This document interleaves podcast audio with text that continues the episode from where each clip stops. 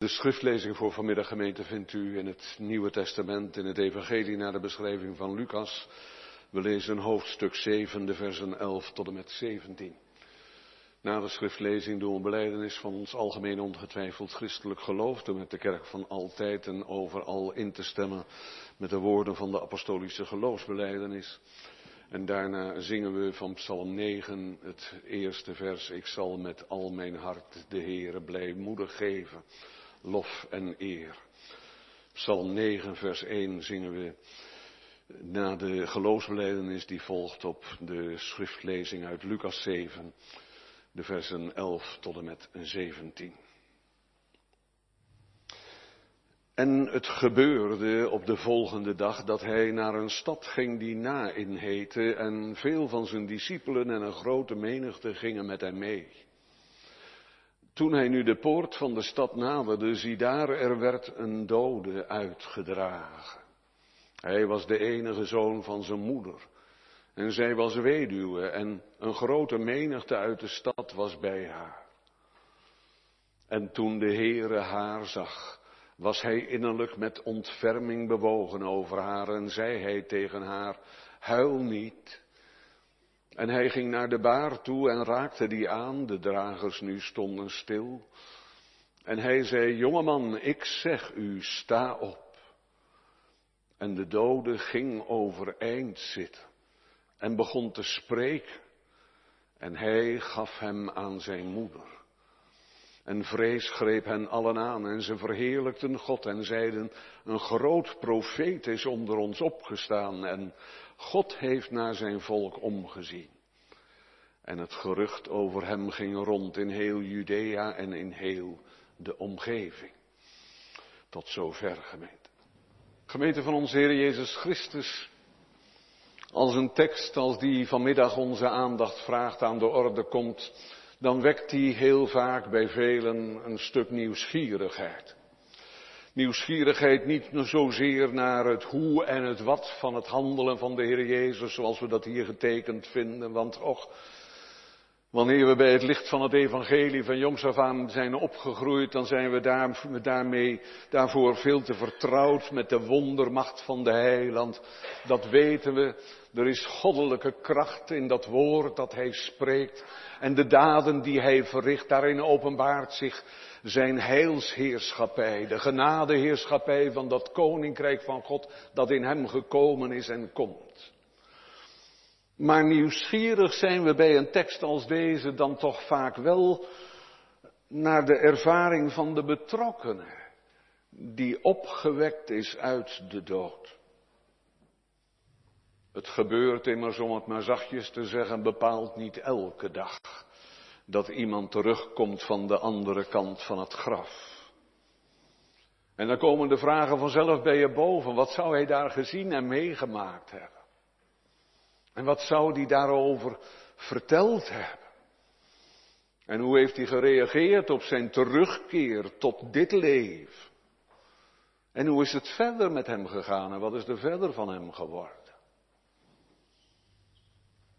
En als we met die vragen naar de tekst gaan kijken, dan ontdekken we dat de Bijbel ons daar geen antwoord op geeft. De Heilige Geest heeft het blijkbaar niet nodig en ook niet nuttig gevonden om ons dienaangaande iets te doen weten. Het gaat immers niet om die jonge man die ooit weer een keer gestorven is. Maar het gaat om de Heer Jezus Christus die hier heerlijk openbaar komt in zijn levendmakende kracht. Dat blijkt al hierin na, in, waar hij de dood op de vlucht jaagt.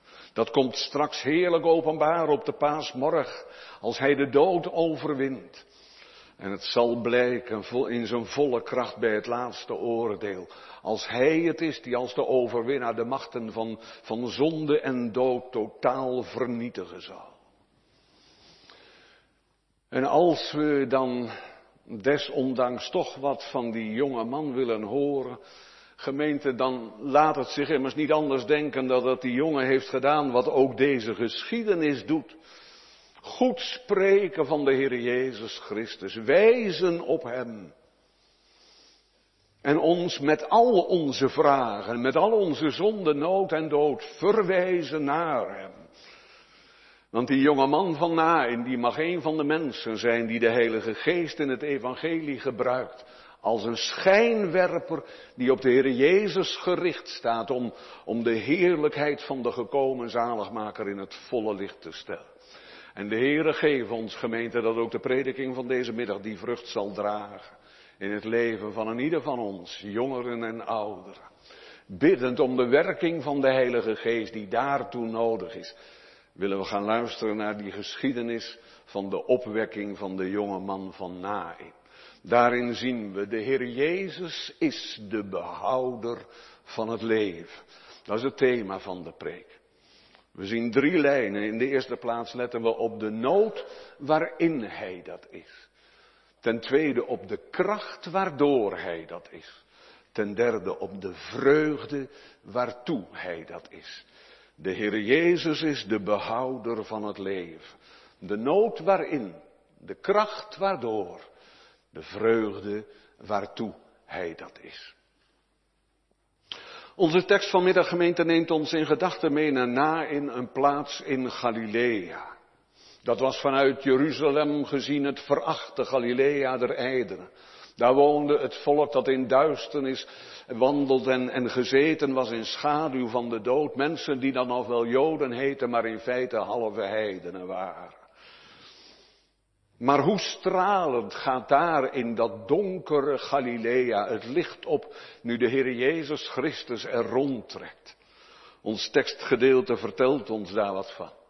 Lucas, de evangelist, die met woorden kon doen wat, wat een man als Rembrandt met zijn penselen deed, die schilderde het ons in, in, in prachtige kleuren voor de ogen. Daar is in de eerste plaats al de omgeving waar deze geschiedenis zich afspeelt. Jezus komt naar Nain. En, en, en Nain, dat ligt in een van de mooiste streken van het Joodse land, ten noorden van de vlakte van Israël. Een omgeving waar je een prachtige natuur tegenkomt die, die voor de trouwe bijbellezer ook veel bekends heeft. Want daar liggen plaatsen als Endor, dat we kennen uit de geschiedenis van koning Saul. En, en, en een plaats als Sunem, dat we kennen uit de geschiedenis van Elisa en de Sunamitische. Daar vind je bergen als, als de Tabor en, en de Hermon die volgens Psalm 89 juichen tot eer en glorie van de Schepper. De plaatsnaam spreekt daar in feite ook van, want dat woordje na in dat, dat zegt zoveel als, als ons woord liefelijkheid. En je kunt denken aan een Nederlandse plaatsnaam als schoonoord. In fel contrast met die prachtige omgeving staat het tafereel dat Lucas, ons vervolgens tekent. Wanneer we onze blik dan afwenden van de mooie omgeving en letten op de poort van Nain, dan zien we daar die stoet de poort uitkomen en de stad verlaten. Een hele menigte mensen die de stad uitkomt. En dat is een totaal ander beeld dan dat liefelijke van Nain en zijn omgeving. En ook van dat beeld zingt Psalm 89. Het leven is een damp, de dood wenkt ieder uur. Want het is een begrafenisstoet. En voorop gaan de vrouwen, klaagvrouwen die immers de dood in de wereld gebracht hebben en die kinderen voortbrengen, die geboren worden om te sterven, niet omdat God dat zo gewild en bedoeld heeft, maar omdat wij daarvoor gekozen hebben. En omdat een gestorven lichaam onrein en een bron van onreinheid geworden was, moest de begrafenis nog op diezelfde dag van overlijden plaatsvinden. Het onreine moest snel uit de weg worden geruimd en weg worden gebracht. En zo worden we dan in het begin van onze tekst zomaar geconfronteerd met de dood. Niet als een natuurverschijnsel, waarvan Onze samenleving, hoe langer, hoe sterker erop uit is om, om ons te leren dat, dat wat gewoon te vinden en dat dat iets is wat je maar eens accepteren moet als behorend bij het leven. En waarvan je tenslotte moet zeggen, je moet ook een keer plaats willen maken voor een volgende generatie. Maar hier worden we geconfronteerd met de dood als schuld. Met de dood die spreekt van de zonde. Waardoor de dood in de wereld gekomen is. Die dood die spreekt van straf op de zonde. Het loon is dat de zonde uitbetaalt. En als we dan wat naderbij komen, dan zien we die gestorvene was een nog jonge man. En dat treft des te sterker. Want elk sterven is een verdrietige gebeurtenis. En toch kan de situatie waaronder dat sterven plaatsvindt wel verschillen. Als iemand nog in goede ouderdom heen mag gaan. Ach, dan is er wel verdriet over dat heen gaan en rouw om het gemis. En, en toch zeggen we dan wel eens tegen elkaar, dan kun je daar in zekere zin wel vrede mee hebben. Maar dat ligt heel anders wanneer iemand in de bloei van zijn leven wordt weggenomen. En dat is hier het geval. Zo lag dat zeker ook in Israël, waar een lang leven een zegen was van God, een teken van heil dat God schenkt.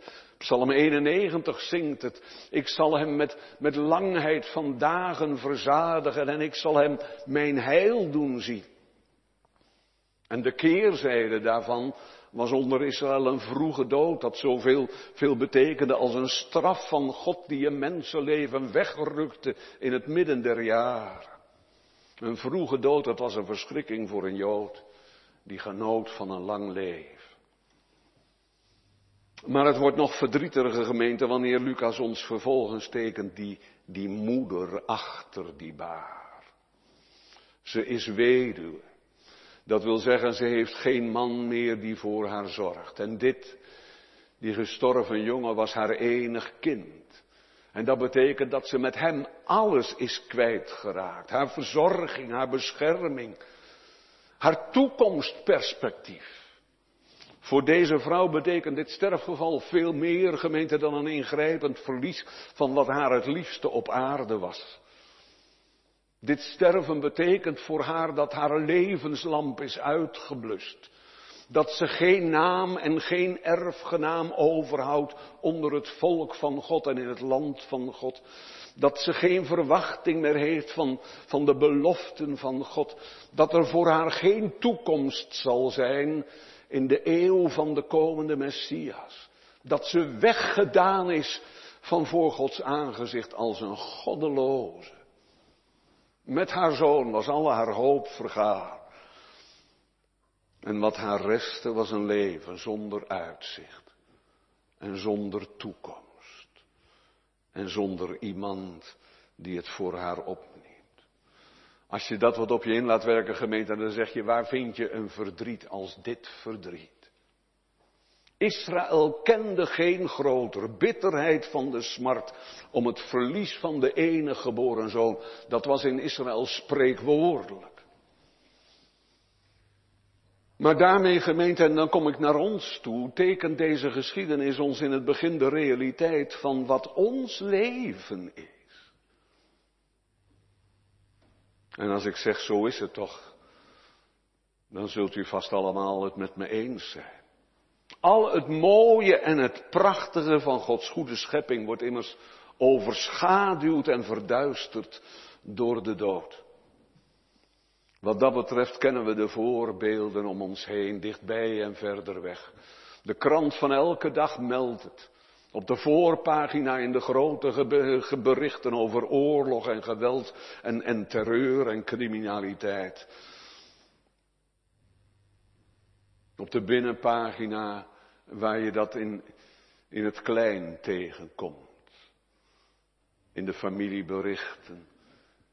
Die telkens weer die doodslok doen luiden uit Genesis 5. En hij stierf in eentonig, ononderbroken refrein. En hij stierf.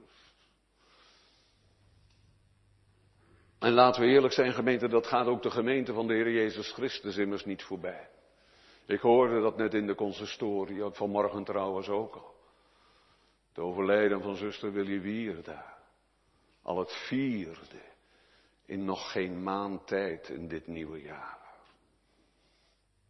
Het is immers de werkelijkheid van ons leven, gemeente. Midden in het leven zijn we door de dood omgeven. En natuurlijk, je kunt er in onverschilligheid je schouders ophalen, over ophalen. Je kunt proberen daar niet aan te denken en, en we worden bezet en, en, gehouden met van alles en nog wat om, om, om dat ons wat gemakkelijker te maken. Je kunt het voor je uitschuiven omdat je zegt, ach, ik ben nog jong en dat duurt in mijn leven nog wel een hele tijd, terwijl je daar niks van weet, jonge mensen. Je kunt er overheen lachen en, en overheen leven en dansen. Maar het is en het blijft de realiteit. Dat is het eerste wat onze tekst ons laat zien, gemeente. Onze levensweg is een doodlopende weg. En ons gedoopte voorhoofd spreekt wat dat betreft boekdelen, omdat het ons wil doen zien en beleiden dat, dat dit leven op de kaart waarvan wij geneigd zijn alles te zetten. Maar als gevolg dat we alles kwijtraken als we dit leven kwijtraken. Ons gedoopte voorhoofd zegt, dit leven is niks anders dan een gestadige dood. Een langzaam of wat sneller stervensproces. En in de geschiedenis van de zondeval maakt Gods woord het ons duidelijk. Zo hebben wij dat gewild. Immers, dit is niet natuurlijk en het is niet vanzelfsprekend. De doodgemeente in deze wereld is er omdat wij geen recht meer hebben op het leven. De dood is, is de bittere vrucht van de zonde, het loon op de zonde. Het verdiende loon. De verdervende en levenvernielende macht, die hebben we zelf over ons gehaald toen we God de rug toekeerden en Hem die de bron van het leven is, verliet. En sindsdien geldt het van ieder van ons. Wij hebben geen recht meer op een plaats in de gemeenschap met God. Wij hebben geen uitzicht meer en geen toekomst meer. Eeuwig buitengesloten, eeuwig afgesneden van het leven. Dat God alleen is en heeft en geven kan. Dat is onze situatie, gemeente. Wij liggen midden in de dood. En we zijn, als God het niet anders maakt, onderweg naar de eeuwige dood. En niemand kan deze macht die in onze wereld rondspookt, de baas laat staan, verbreken. De dood waart rond en er is geen huis waarin hij niet binnenkomt, vroeg of laat. En dan ontvalt ons een geliefde. En een paar dagen later wordt hij uitgedragen en begraven. Verschrikkelijk. Verschrikkelijk. Laten we er alsjeblieft nooit aan wennen, gemeente. Laten we het nooit gewoon gaan vinden. Die dood, dat bederft alles, maakt al het mooie lelijk. En dat bepaalt ons bij onze diepste nood, gemeend. De zonde en de dood. Die hebben ons door God goed geschapen leven tot een ruïne gemaakt. En aan het eind van elk leven wordt dat zonneklaar. Wij zijn gevangenen van de dood. Terecht zingt Psalm 89. Wie redt zijn ziel van het graf? De zonde deelt dat, dat loon ruim uit. Het is de mens gezet. Wordt de Bijbel niet moe ons voor te houden om eenmaal te sterven? En dat geldt niet alleen aan afgeleefde oudere gemeenten. Het geldt ook voor de jonge mens. En ik roep je op, mijn jongen en meisje, om jezelf er eens op aan te kijken. En, en elkaar er eens op aan te kijken. Zo'n prachtig meisje waar de jongens graag naar kijken. Zo'n zo'n zo'n zo'n opgroeiende jongen die showen kan met zijn sterke body. Ons leven, zegt Paulus, is een tent voor afbraak bestemd. Gemeente, als God in die situatie ons aan onszelf toch had overgelaten Dan zou ik op dit moment niks anders meer te vertellen hebben dan zeggen mensen, zo is het nou eenmaal en ga dan de kerk maar uit en zie maar dat je het ermee doet. Dan was de dood onherroepelijk. Dan zou de verwoesting van het leven het laatste woord hebben. Dan was ons leven een doodlopende weg. Mag ik eens vragen vanmiddag, zijn we ons dat nog een beetje bewust, gemeente? Of moet ik zeggen, zijn we ons dat inmiddels alles bewust geworden? Als je maar gezond mag blijven, zeggen we dan, zeker in deze coronatijd. En gezondheid is een geweldig bezit, gemeente, maar het is ook een broos bezit. Een raar vlekje op je huid, een rare knobbel op een plek waar die niet thuis hoort. Een auto die je schept, omdat je niet aan zag komen van, van om de hoek. Moet vaak denken aan een woord van een vroegere ouderling van me, die, die juist van een plotseling sterven. In het leven van een oudere of van een jongere nog alles zei. Wij, wij, wij weten allemaal dat het kan. Maar we realiseren het ons niet werkelijk. En omdat dat zo is, komt de Heer in dit woord vanmiddag naar ons toe om ons te wijzen op die werkelijkheid. Opdat hij voor het eerst of opnieuw nood voor ons zal worden. En opdat hij ons zal dringen om te vluchten tot hem die zich in onze tekst openbaart als de behouder van het leven. Want nou keren we terug naar de geschiedenis van Lucas 7 gemeend. En dan zien we daar, God heeft gedacht aan zijn genade. Hij zond zijn zoon tot verlosser van het gevallen, tot heelmaker van het gebroken, tot levendmaker van het gestorven leven. Want op die doodlopende weg van ons bestaan, daar loopt in onze tekst de Heer Jezus. Want nadat Lucas ons het mooie en het verschrikkelijke dat daar buiten na in spoor te zien is getekend heeft, gemeente, vestigt hij onze aandacht op een derde tafereel. Terwijl die rouwstoet de stadspoort uitgaat, komt van de tegenovergestelde richting er een andere stoet aan. En dat blijkt de Heer Jezus te zijn met zijn discipelen en een grote menigte die hem volgt. Jezus die al veel zieken genezen en bezetenen bevrijd heeft. Maar daarvoor de poort van Nain vindt zijn eerste confrontatie plaats met de dood. Mensen, dat is me wat geweest daar op die weg naar Nain.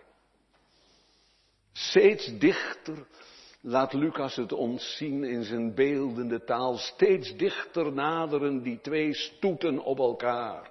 Maar wat een tegenstelling. De ene stoet die de stad uitkomt wordt gedreven door de dood, de andere door het leven.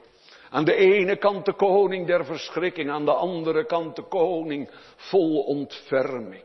Aan de ene kant een machtige koning waar wij geen antwoord op hebben. Aan de andere kant de almachtige koning, de koning die verderft tegenover de koning die van het verderfje leven wil verschonen. Hier voor de poort van Nain botsen ze op elkaar. Wat zal er nou gebeuren? Zal Jezus, zoals elk fatsoenlijk mens ook vandaag nog doet, met respect opzij gaan? Zal hij eerbiedig wijken voor zijn majesteit de dood? Geen sprake van gemeen. Dat zou ook niet kunnen, want deze ontmoeting heeft maar niet toevallig plaats. Nain lag zo'n 50 kilometer van Capernaum en Jezus is niet op doorreis naar een andere plek. Hij ging naar Nain, zegt het evangelie. Doelbewust is hij daarop afgegaan. En dat dit zijn reilsdoel is, zegt me, hij is zich ervan bewust dat, dat God de Vader hem hier werk voor hem heeft. Het is de leiding van de Vader die zijn gehoorzame zoon tot deze ontmoeting met de dood brengt. Daarvoor heeft Hij hem gegeven in onze doodswereld. Hij brengt hem zo in het leven van mensen dat Hij in confrontatie met de dood zijn heerlijkheid zal tonen. En daarin schittert iets van Gods soevereine genade gemeente. Die overleden jongen die had er immers nooit aan gedacht. En, en, en die, die, die, die, die, die bedroefde moeder, die had er vast niet om gevraagd. Maar hier toont God zijn welbehagen, zijn onverwachte en ongedachte ontfermende liefde. En dat zegt mijn gemeente, de Heere wacht niet tot wij erom vragen, tot wij er belang bij krijgen. Want hij weet wel dat hij dan kan wachten tot de jongste dag en dan, dan zit er nog niemand verlegen om hem. Maar in dit evangelie komt God de Vader met zijn zoon naar ons toe. En hij presenteert hem vanmiddag als, als de enige beouder van het leven. Antwoord op alle vragen. Redder uit alle nood als de Christus die we nodig hebben. U en jij en ik. De verschijning van de Heer Jezus daar voor de poort van Nain, gemeente die verkondigt. Dat al zo lief God de wereld heeft gehad, dat hij zijn enige geboren zoon gegeven heeft. Opdat een ieder die in hem gelooft niet verderven zou, maar het eeuwige leven zal hebben. Want wat gebeurt er? Lucas tekent het ons uit. Jezus blijft staan midden op de weg die de doodsweg is, de weg naar het graf. Roept hij die koning der verschrikking een halt toe. Maar als je dat ziet, dan zeg je, ja, wat wil die daar nou mee? Er is immers niemand die hier nog iets verwacht. Die moeder die vraagt hem ook niks. Wat is hier nog te doen? Voor de dood moet immers alles buigen en wijken. Zelfs de bekwaamste artsgemeente, die komt op een punt dat hij zeggen moet, ik kan niks meer voor je doen. En dan is het hulpeloos en afgelopen. Hier gaat het anders. En toen de Heere haar zag, en let op die titel Heer, die Lucas hier in het evangelie voor het eerst gebruikt als hij het zelf in zijn beschrijving over Jezus heeft. Heere, Curios. Dat is de schepper, de eigenaar, de gebieder van al wat is en leeft, die het voor het zeggen heeft. En toen de Heere haar zag. Nou, dat is in feite Jezus ten voeten uit, gemeente. Zo is de Heer. Hij ziet. En hij kijkt niet weg en hij kijkt niet aan de dingen voorbij. Maar hij ziet. Zoals de blik van een dokter de patiënt in ogenschouw neemt om de goede diagnose te stellen, zo peilt Jezus met zijn doordringende liefdeblik alle nood tot op de bodem. Hij peilt de diepte van deze rouw en hij weegt de zwaarte van dit verdriet. Die moeder, verlamd en verdoofd, overweldigd door het verlies en het verdriet. Hij ziet haar. Hij ziet haar lijden, hij ziet haar droefheid haar nood, haar verlatenheid. En achter dat alles en in dat alles ziet hij de macht van het dood, die het leven breekt en verwoest. Deze moeder ziet de Heer Jezus niet gemeten, maar Jezus ziet haar wel.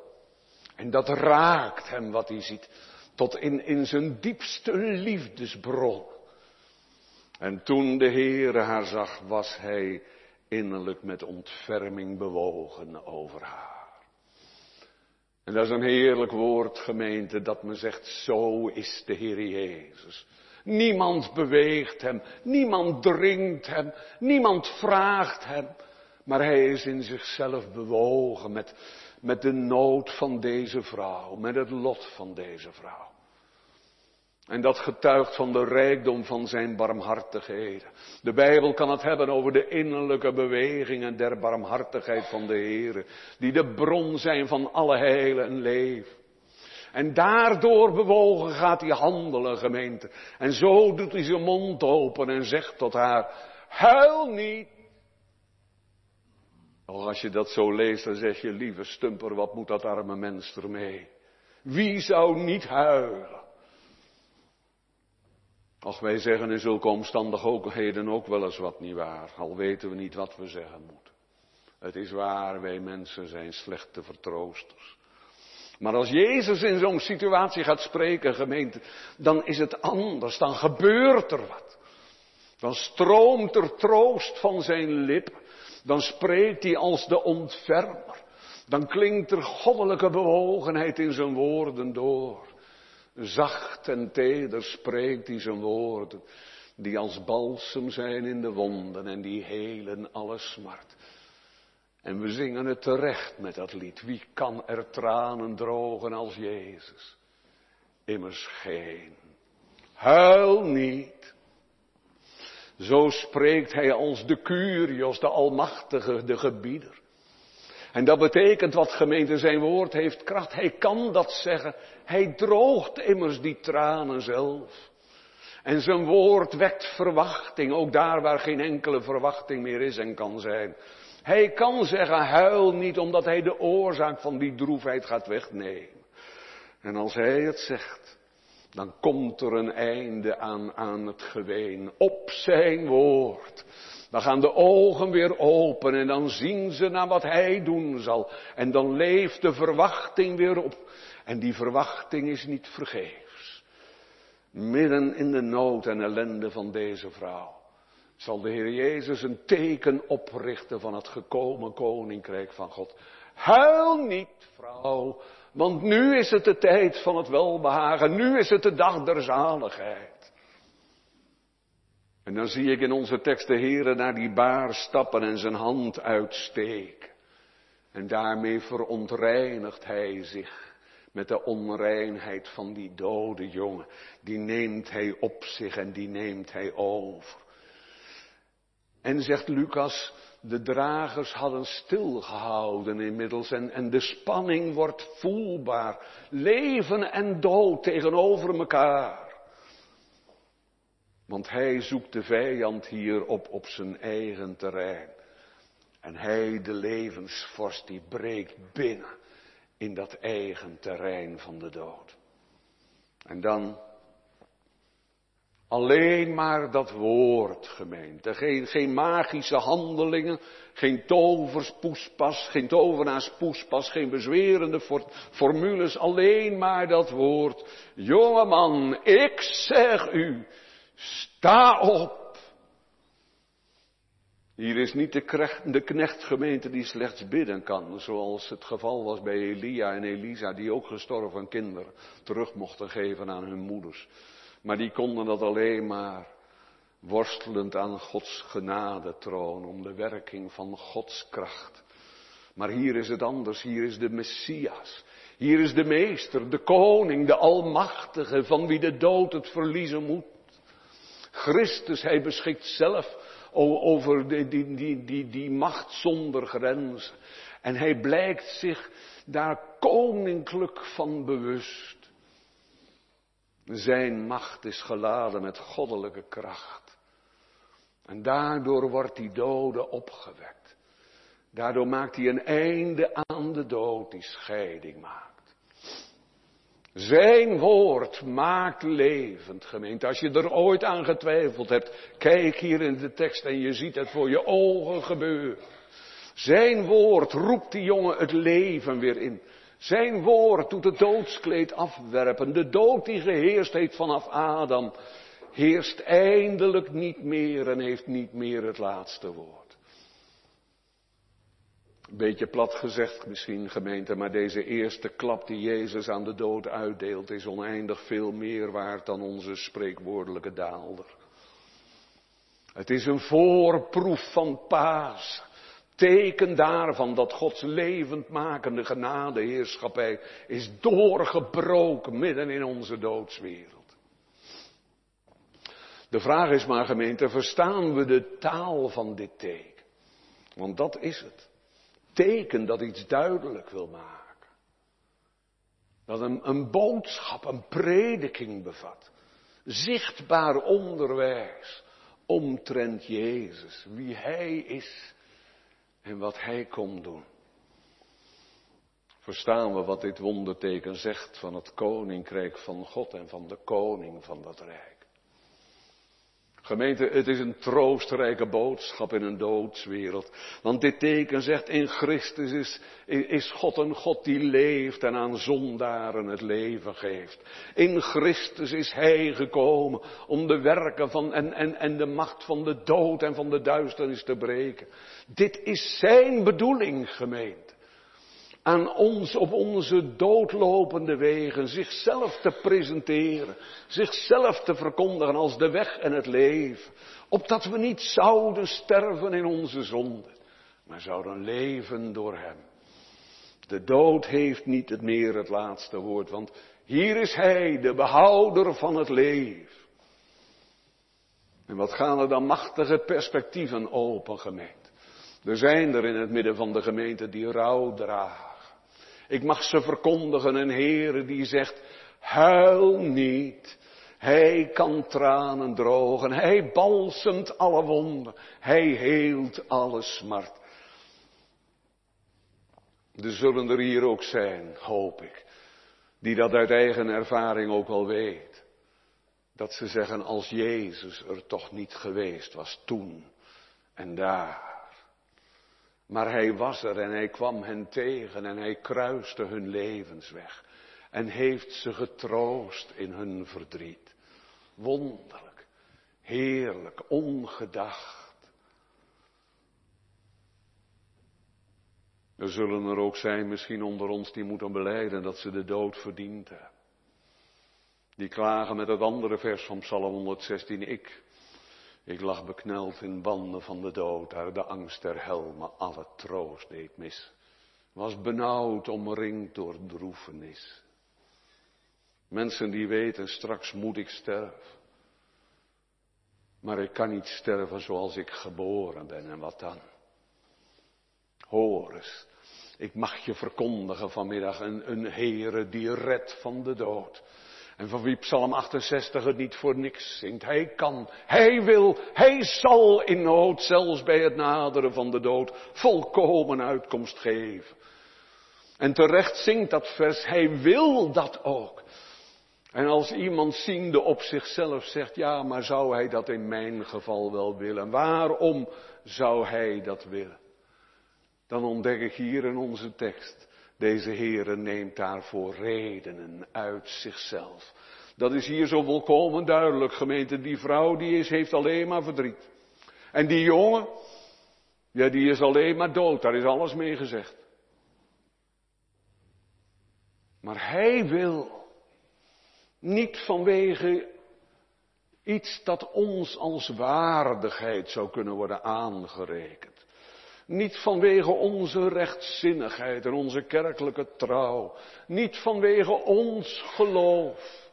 Waar sommigen mee schermen op een manier dat je zegt, of mijn lieve stumper, ze proberen zichzelf aan, aan de haren uit het moeras omhoog te trekken. Ook niet vanwege ons gebed. Maar hier is Hij, die de dood overwint die hem straks op Golgotha en in de hof van Jozef van Arimathea de tanden uit de grauwe bek zal breken. Hier is hij die zelf de dood ingaat en overneemt. En die zo de oorzaak van onze eeuwige honger en kommer wegneemt. Om in die weg het leven te verwerven voor doodschuldige mens. Als Jezus die vrouw haar zoon en die zoon het leven teruggeeft gemeend dan haalt hij daarmee hun dood en nood op zichzelf toe. En voor die levensgave zal hij straks de prijs moeten betalen aan het kruis. Zijn bloed voor de zonden der wereld. Zijn leven voor het leven van de wereld. Alleen vanwege zijn sterven is er leven en zaligheid. Waarom? En toen de Heere haar zag, werd hij innerlijk met ontferming over haar bewogen. Daarom, gemeente. Dat is het, ontferming met onze zo grote nood. Zijn ontferming is de bron en ontfermen dat is zijn werk.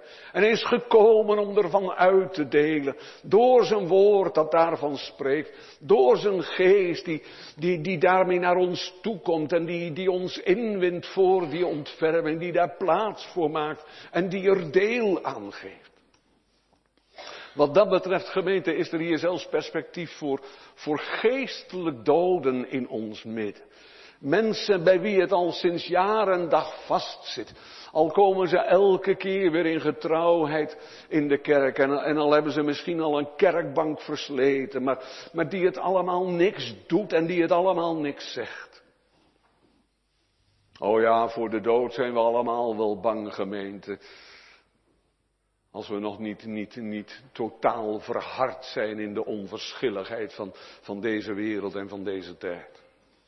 En tegen het graf zien we allemaal wel op, maar, maar angst voor dood en graf op zich brengt ons nog niet bij Jezus. Alleen wie zijn nood heeft verstaan. Wie verstaan heeft wat het woord zegt, dat we in zonde ontvangen en geboren en daarom kinderen van de toorn zijn, die in het rijk van God niet kunnen komen, tenzij we van nieuws geboren worden. Alleen wie gezien heeft dat hij zoals die in zichzelf is voor God niet kan bestaan. Dat hij die prijs der zielen, dat rantsoen aan God in tijd nog eeuwigheid kan voldoen. En die dan hoort van een Jezus die zalig maakt van zijn zonde. Die als borg zegt, stap jij maar opzij. Dan zal ik in jouw plaats die schuld overnemen en betalen. Alleen die mens komt bij Jezus terecht. En dan blijkt dit het heerlijk. Dat hij zijn woord doet verkondigen. Dat woord dat doet wat het zegt en dat volbrengt waartoe hij het zendt. Waardoor hij tevoorschijn roept de dingen die er niet zijn. Waarvan gezegd mag worden, de uren is gekomen en is nu, dat de doden zullen horen de stem van de Zoon van God en die haar hoor, die zullen leven. En zoals het hier in onze tekst duidelijk wordt, zo dringt hij met dat woord door in onze dood staat en in onze dode hart en hij maakt het levend en hij wekt het op. Dat kan de Heere gemeente. Geen twijfel aan. Dat wil de Heere. Ook geen twijfel aan. Het blijkt hier zo volkomen duidelijk. Die God die wel recht heeft op onze dood is die God die lust heeft in ons leven. Christus is gekomen niet om te verderven, maar om te behouden. Hij is de opstanding en het leven. Wie in hem gelooft zal leven, al was hij ook gestorven. En ieder die leeft en in hem gelooft, zal niet sterven in eeuwigheid. Geloof je dat? Dat is de kernvraag voor ons vanmiddag, gemeen. Geloof je dat? De werkelijkheid van de dood in ons en van het leven in de Heer Jezus Christus. De dood in ons waardoor we moeten klagen, ik lach bekneld in banden van de dood. De werkelijkheid van het leven in de Heer, opdat ons hart zal uitroepen tot Hem die leeft en ook aan mijn ziel het leven geeft. Daar lokt de Heer toe uit wanneer Hij in het Evangelie zijn Zoon en die zoon door zijn geest ons presenteert vanmiddag. Wie je nou ook bent. En hoe je nou ook in dit leven staat. En wie je in eigen ogen misschien ook voor God bent. Hij wil niet dat je zielen sterft. Maar dat je leeft. Niet de dood en de droefheid gemeente. Dat is in ons en dat hoort bij ons en dat is om ons. Maar in hem en bij hem is leven en vreugde te vinden. Ja, dat laatste ook, dat blijkt daarin na. Het laatste tafereel dat Lucas ons schildert, is, is dat die twee tegengestelde stoet, die stoet onder leiding van Jezus en die stoet onder leiding van de dood samen smelten tot één grote feeststoet, die, die in opperste vreugde de Heer, God de Heere verheerlijken en de Heer Jezus Christus eren. Een groot profeet is onder ons opgestaan, zeggen ze. En daarmee doen ze de Heer Jezus tekort, gemeente, want Hij is hier meer dan een profeet. Hij is de vorst van het overwinnende leven. Maar het vervolg van wat ze zeggen is helemaal waar. God heeft naar zijn volk omgezien. Ja, want hij gaf die zaligmaker die voor de dood niet opzij gaat. Maar die hem aangrijpt. Die hem krachteloos maakt door de verzoening van de zonde in zijn bloed. En die hem overwint door zijn opstandingskracht. En die vandaag alle macht heeft in hemel en op aarde om het ook vandaag te zeggen. Ik zeg u en ik zeg jou, sta op. Daar hebben ze in het optreden van Jezus wat van gezien daarin na, in God die naar zijn volk omziet. Psalmdichters hebben erom gebeden. En och, dat gij de hemelen scheurde, dat gij nederkwaamt. Profeten hebben er naar uitgezien. Zacharias heeft ervan gezongen in de adventstijd. Van de opgang uit de hoogte. Die omgezien heeft naar een volk gezeten in duisternis en schaduw van de dood. God heeft naar zijn volk omgezien. Zo in de Heer Jezus Christus. En dan, dan, is het Griekse werkwoord dat Lucas hier gebruikt een typerende medische vakterm gemeente. Lucas tekent dat omzien van God naar zijn volk als een soort doktersvisite. God heeft zijn volk bezocht. Zo komt in Christus God de Heere op bezoek. Ik, de Heere, ben uw heelmeester, uw dokter. Bij deze Heer Jezus moeten we zijn, gemeente. Bij Hem is behoud in leven en in sterf. Geen wonder dat deze geschiedenis uitloopt op die vreugde daarin na. Want wie oog krijgt voor wat deze dokter doet, die verstaat er komt nog veel meer. Dit wonder is slechts een teken. Ook in de dagen van de Heer Jezus werden niet alle, alle gestorven mensen weer levend. Maar het is een teken van het volmaakte dat er nog niet is, maar dat zeker komen gaat. Dit wonderteken opgericht in een doodswereld, te midden van de graven, waar nog, nog, al, nog niet alle tranen gedroogd worden en nog niet alle doden worden opgewekt. Wij zien nog niet dat Hem alle dingen onderworpen zijn. Hem die de macht heeft in hemel en op aarde om levensbehouder te zijn. Maar de vreugde van de gegronde verwachting, die wordt hier gewekt. En die de Heeren verwachten, die mogen hier nieuwe moed en nieuwe krachten vinden. Huil niet, kind des Heeren. Je hoeft niet te blijven huilen, bedroefde over zonde en zondegevolgen. Het ogenblik komt dat de dood niet meer zal zijn. Hij heerst al niet meer als koning. En er komt een dag dat hij zijn prooi zal moeten loslaten, dat de graven opengaan en dat ook de zee de doden die hij naar zijn teruggeeft, op dat machtswoord van hem, die het leven is en dat vanmiddag verkondigd mag worden.